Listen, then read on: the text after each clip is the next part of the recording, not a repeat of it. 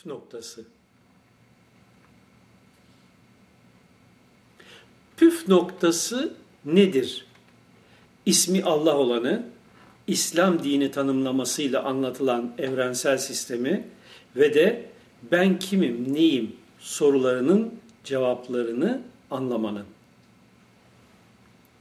Niçin bu konularda sapmalar meydana geliyor? Niçin bir yerlerde takılınıp konunun tam resmini göremiyoruz? Niçin Kur'an-ı Kerim'i hakkıyla değerlendirip olayı bütün açıklığıyla seyredemiyoruz? Elbette bu düşünebilen beyinlerin sorunu. Düşünmeden yalnızca söylenenleri taklit ederek yaşayanlar için böyle bir sorun yok. Hz. Muhammed Aleyhisselam'ın bildirdiklerinin hakkıyla anlaşılabilmesi için Kur'an-ı Kerim'de belirtilenlerin değerlendirilebilmesi için öncelikle şu iki gerçeği çok iyi anlamak zorundayız. Bir, anlatılan sistemin evrensel boyutu. İki, anlatılan sistemdeki kişinin yaşam boyutu. Bu konuları derin düşünme, hissetme ve yaşama uğraşı olan tasavvuf çalışmalarında iki seyirden söz edilir. Bir, seyri afaki, evrensel gerçekleri fark etmek. İki, seyri enfüsi, kişisel, içsel gerçekleri fark etmek. Bu iki seyirden birincisi ismi Allah olanın ilminde yarattığı evrensel sistem ve düzenin tanınması sürecidir. Ki buna seyri afaki denir. İkincisi ise kişinin kendi hakikatını, nefsini, içsel özelliklerini tanıması çalışmalarıdır.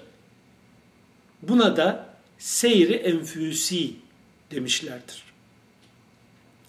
Kur'an-ı Kerim pek çok ayetinde hem seyri afaki hem de seyri enfüsi yönünden fark edilmesi gerekli olan gerçekleri açıklar. Şayet kişi o ayetleri yalnızca bir yönü ile değerlendirirse, konunun diğer yanından mahrum kalarak o yönde bir düşünsel sapma içine girer. Neden bu böyle olur? Çünkü bir yanlış algılama sonucu olarak Kur'an evrensel sistem, sünnetullah ve bunu yaratanı açıklayan kitap olmak yerine yukarıdaki bir tanrının buyruk kitabı kabul edilmiştir. Oysa tüm gelmiş geçmiş hakikat ehli, evliyaullah, tasavvuf ehli bunun böyle olmadığını anlatmaya ve yaşatmaya çalışmışlardır.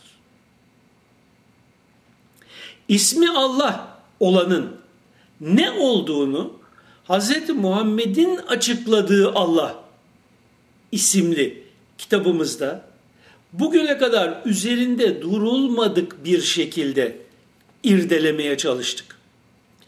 Eğer o kitabı iyi anlayıp açıklamaları iyi değerlendirebildiysek holografik evren gerçekliğinden yola çıkarak insanda ismi Allah olanın ne şekilde zahir olduğunu açığa çıkmakta olduğunu fark edebiliriz. Hz. Muhammed Mustafa aleyhisselamın bahsedip bize fark ettirmeye çalıştığı gerçeklik Tanrı ve Tanrılık kavramının olmayışı gerçeği yanı sıra ismi Allah olanın ne olduğudur. Kur'an-ı Kerim bunu açıklar ve anlatır bize.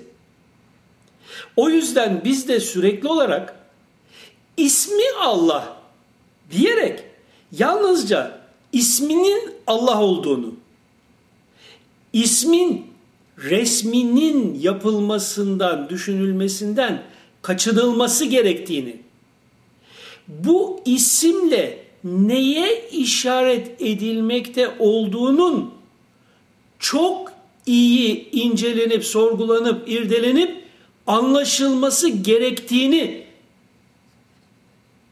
anlatmaya, yazmaya çalışıyoruz. Yazdıklarımızı okumakta yetersiz olanların tüm eleştirilerine rağmen. Evet, evrenin zatı kayyum olanın zatı ile kaimdir.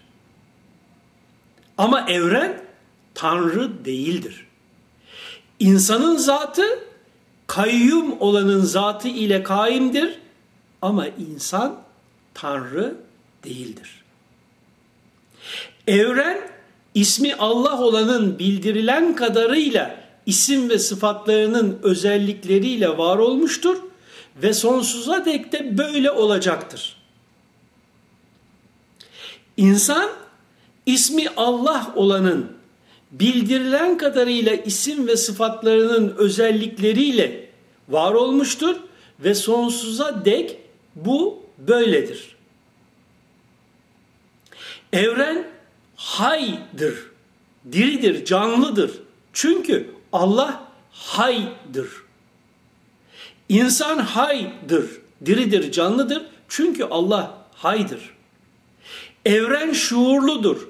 Çünkü Allah alimdir. İnsan şuurludur. Çünkü Allah alimdir. İlim sıfatının açığa çıkışı şuur adını alır. Evren ismi ve resmi ardında uluhiyetinin gereği olarak vahidiyeti ile aşikar olup rahmaniyeti ile her an yeni bir yaratışını ve oluşumu sürdüren, dilediğini var kılan Rabbül Alemin'dir. İnsan ismi ve resmi ardında uluhiyetinin gereği olarak vahidiyetiyle aşikar olup, rahmaniyetiyle her an yeni bir yaratış ve oluşumu sürdüren, dilediğini var kılan Rabbül Alemin'dir. İşte bu şekilde evrende açığa çıkan her mertebe aynıyla ve mikrosuyla insanda mevcuttur. Ki bu yüzden insan kendini tanıyabildiği ölçüde evreni tanıyabilir. İşte bu yüzden Resulullah zerre küllün aynasıdır uyarısını yapmıştır. Bu anlaşılsın diye. Uluhiyet hakikati insanın zatını yaratırken kendine ayna kılmış, vahidiyetiyle onu vahid yapmış, rahmaniyetiyle her an ondan yaratışta bulunmuş, rububiyetiyle insanın tüm fiillerinin haliki olmuştur. Evrende vardır arş, kürsi, yedi kat sema ve yedi kat yer. İnsanda vardır arş, kürsi, yedi kat sema ve yedi kat yer. Evren vardır tüm melekler ile. İnsan vardır tüm melekler ile. Ve hakikat sonrasında dördüncü basamakta marifetullah ihsan edilmiş olanlar bu mecazların sistem içinde neye işaret ettiklerini çok iyi okurlar. İkra onlarda zahir olmuştur. Bilirler arştan murat nedir? Kürsi neye işaret eder? Melekler hangi sistemin kuvveleridir? Her ne ararsan kendinde ara işareti işte bu yüzdendir. kendini tanırsan mikro alem olarak evreni de tanırsın makro alem olarak. Ve böylece anlarsın, bilirsin alemlerin Rabbı kimdir, nedir? Seyri enfüsi insanda nefsini bilme diye anlatılan olaydır ki bunu Nefs Nedir isimli sohbet kasetimizde anlatmıştık. Web sitemizde ahmethulusi.org sitesinde bu kaseti bulup dinleyebilirsiniz. İşte bu gerçekliği öğrenmeye başlayan seyri enfüsi düşünce yolcuları bir anlayış durağında kendini hak olarak görmeye başlar. Bunun ötesinde de ben hakkım dilediğimi yaparım her şey bana mubah noktasına saplanır.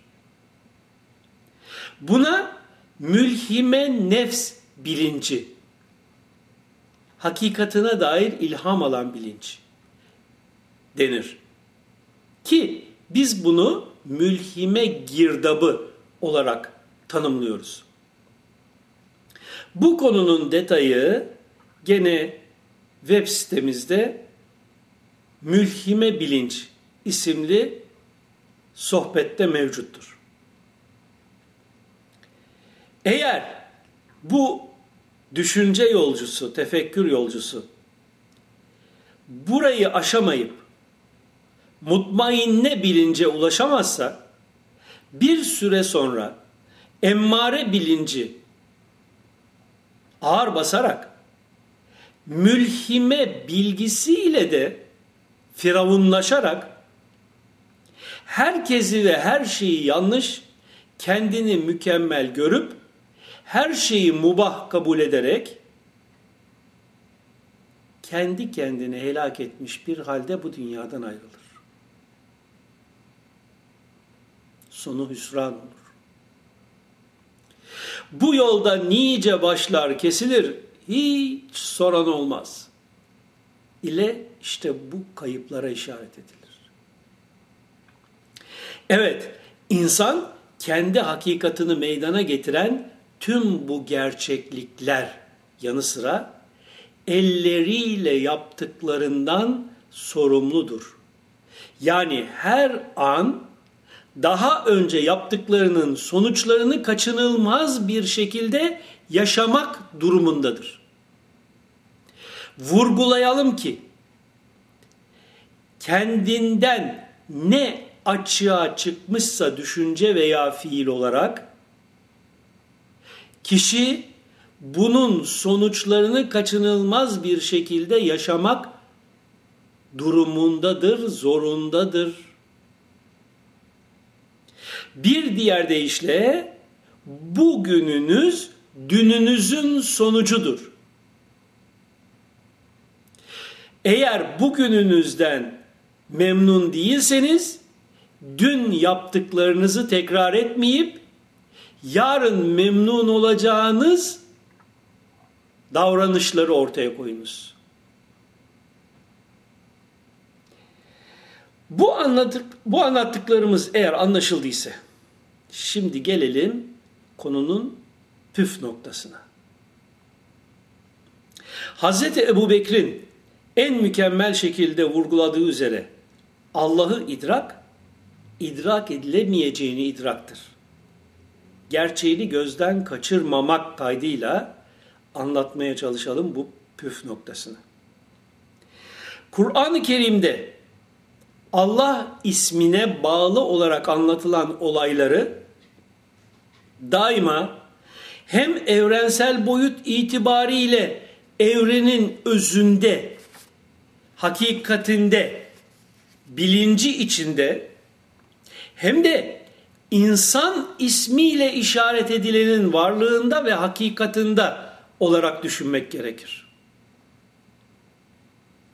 Daha önce de işaret ettiğim üzere gerek ayetel kürsi, gerek kul euzüler ve gerekse Huvallahullezi la ilahe illahu diye başlayan tüm tanımlamalar hep evren boyutlarıyla aşikar olanı hem de insan ismi altında açığa çıkanın çıkış mertebelerindeki özelliklerini anlatmaktadır.